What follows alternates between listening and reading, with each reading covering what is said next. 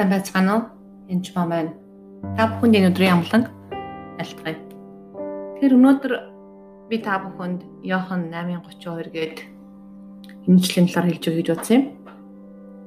Тэгээд та нар үннийг ойлгож үнэн та нарыг чөлөөлнө гэв. Есүс энэ талаар өөрөө хэлж байгаа юм. Тэгэхээр асуулт нь үнэн гэж юу вэ? Үнэн та нарыг чөлөөлнө гэж юу гэсэн үг вэ? Тэгэхээр бид эрхчлөөтэй биш гэж юу? Үнэн намайг юунаас чөлөөлөх гэж байгаа вэ? Тэр өөрөө мэдхгүй бид хүлээсэнд байдаг. Энэ хүлээсэдээ сайн ойлгодгоо. Үл уучлаас холбоотой хүлээсүүд байж болдог.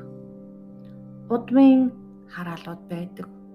Өмнө нь үлдсэн гинүглийн хүлээс байж болно буруутгалын хүлээс худлаа ярьснаас болж гомдлоос болж үүдсэн хүлээс өмнө нь амьдралд чинь тохиолдож байсан хэцүү үйл явдлуудаас болоод танд бас шарах үүссэн бас байж болно. Тэгэхээр шарах эдгэхээс гадна биднэрт хүлээс байдаг. Хамгийн том хүлээсээ нэг бол шашны хүлээсээ нэг. Гар араа хийсэн, сүл зурсан, эсвэл бүр байгалийн бүтээл болсон мод чулуу хатанд бид нэр итгэн залбирч байсан. Би ч гэсэн залбирч байсан шүү. Ээж хатанд очоод л хүүхд байхтай мэтгээ очоод үнэн голоос ээж хад минь ээ, ээж минь ээ гэж залбирч байсан. Тэр чулуу сонсно гэж би бодож байсан. Түүнээс гадна шинжлэх ухааны хүлээс байдаг. Жишээлбэл биднийг сармчингаас үүссэн гэж хэлэхэд үнэмшээд бид нар итгэж байсан. Эволюц буюу заагаас яст мэлхийг олж хувраад л янз янзаараа босоор байгаад алюминий мод хүртэл пижрээ буюу үрчмийн мод болох эсвэл мэлхийн шувуу амтан болж хуурдаг. Тэр хувиралцанд бид нар итгэж байсан. Одоо ч сэтгэсэн олон хүн байгаа. Тэгэхээр бүтээгч бурхныг мэдэж ойлгоно гэдэг бол үндэ хэцүү. Гэхдээ яг үндэ хаасаагүй бурхан байдаг шүү Түүнчлэн шашны хүлээцүүдийн нэг нь итгэж Кристиан гэсэн мөртлөө Кристиан маш олон урсгал чиглэлүүд байдаг. Зөв гэж байгаа урсгал чиглэл дотор ч гэсэн үннийг мэдэхгүй урсгал чиглэл зөндөө байдаг. Жишээлбэл ариун сүнсийг зарим нь түлэн шуурж байхад зарим нь зөвшөөрөхгүй, зарим нь ариун сүнсний энэ нисгийн зөвшөөрнө, энэ нисгийн зөвшөөрөхгүй ч гэх юм уу. Яг намын хүмүүс талцаж байгаа юм шиг талцдаг. Зүүний үзэлтэй эсвэл барууны үзэлтэй ч гэдэг юм уу тийм хүмүүстэй л адилхан өөрийнхөө үзэл бодлороор бурхныг түлхэх гэж оролддог. Булан шахдаг гэсэн үг. Та үнэхээр үннийг хайх гэж байгаа бол үнэн бурхан ямар яг ямар юм бэ? Үнэн нь юу юм бэ гэдгийг олох хэрэгтэй. Та бурхныг хайрцаглаж болохгүй хин нэгэн булан шахаж өөрийнхөө гэсэн үзэл бодлонд багтаах гэж оролдож болохгүй. Олон хэмжээс ухтрагын зүйлийг проектор хагас хэмжээстэр ч юм уу 3 хэмжээс рүү 20 хэмжээс рүү буулгах үед дүрс гарах уу гарна. Бид яг тэгж ойлгодог. Тэгж дүрс гарах гэж оролддог гэсэн үг. Тэгээд л бурхныг дүр зургаараа өөрөөхөө үнэлдэг. Бурхан чинь ийм байхгүй юу гэж хэлээд л.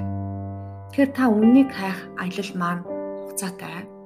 Үннийг үннийг хайхад бас танаас тодорхой хэмжээний золиос гарна. Цаг, хугацаа гих мэтлэн. Үнээр үннийг хайж байгаа хүн бол хаасаагүй үнийг хайдаг. Би хэдэн жилийн өмнө үнэхээр хүнд өвчтөй байсан бөгөөд ажлаа алдаад намайг гэсэн найз нөхдөд ч гэсэн орхиод хэдхэн цөөхөн найз минь л үлдсэн баг. Бусд нь бүгдээрээ алга болоод хэвлэлээр нэг муулуулаад дээрэс нь биеийн байдал бас сайнгүй. Ер нь гэрлэлтийн байдал ч гэсэн дэвэр хүүхдгээд боломжтой бүх талбарууд дээр бүгдээрээ унаж байсан. Тэгээ би үннийг хизээч хаагаараа хайсан шүү хэдэн цагаар 10 20 цагаар би өдөрт хайж байсан. Телевизийн нэвтрүүлгүүд үзэж байсан, кино үзэж байсан, ном бичмэл уншиж байсан, бичмэл тогтмолуудыг уншиж байсан. Тэгээд л энэ өмнө чи хаана байна гэд хайж эхэлсэн. Миний өвчин идэгч болохгүй тийм өвчин генетикийн гаралтай анагаахын шинжилгээ ухаанд нэг идэх боломжгүй байсан өвчин байсан. Дөрийн дөрөв хүүхэдтэй эмэгтэй хүн нүхэн ижлтэй би тийм эрт өхийг хүсээгүй Тэгээд үхлийн тухай бодолж орж ирэхгүй байсан. Ингээд үнэхээр хайж эхэлсэн.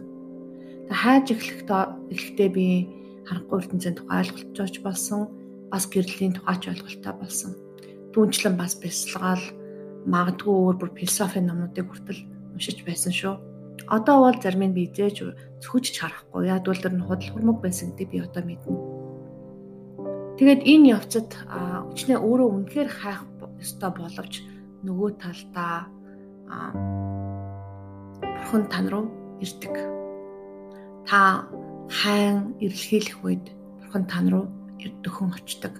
Энд хугацаа ордог. Та үнэхээр чимээгүй түүнийг хүлээх ёстой цагууд бас гардаг. Тэгэхээр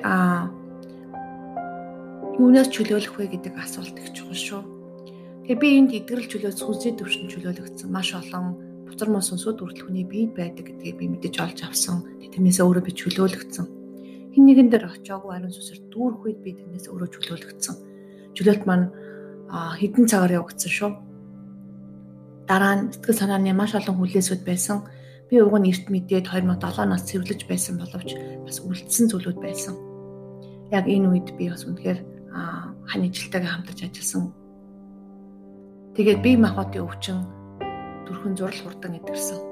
Гэтэ үе үе тэр өвчин маань хаа эргэж ирэх үед би Иесус Христосийн нэрээр хөөн зайлуулдаг. Тэгэхээр үннийг хайхын тулд та цаг хугацаагаа гаргаараа.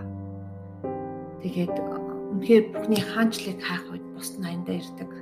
Тэрэнд золиос гарах хэрэгтэй цаг хугацаа, мэдлэг чадвар бүх зүйлээ зориулаараа зүртгэлээ. Тэр үед бурхан тань дээр ирдэг шүү. Чи үнийг мэдэж үнэн чамаа чөлөөлөх болно.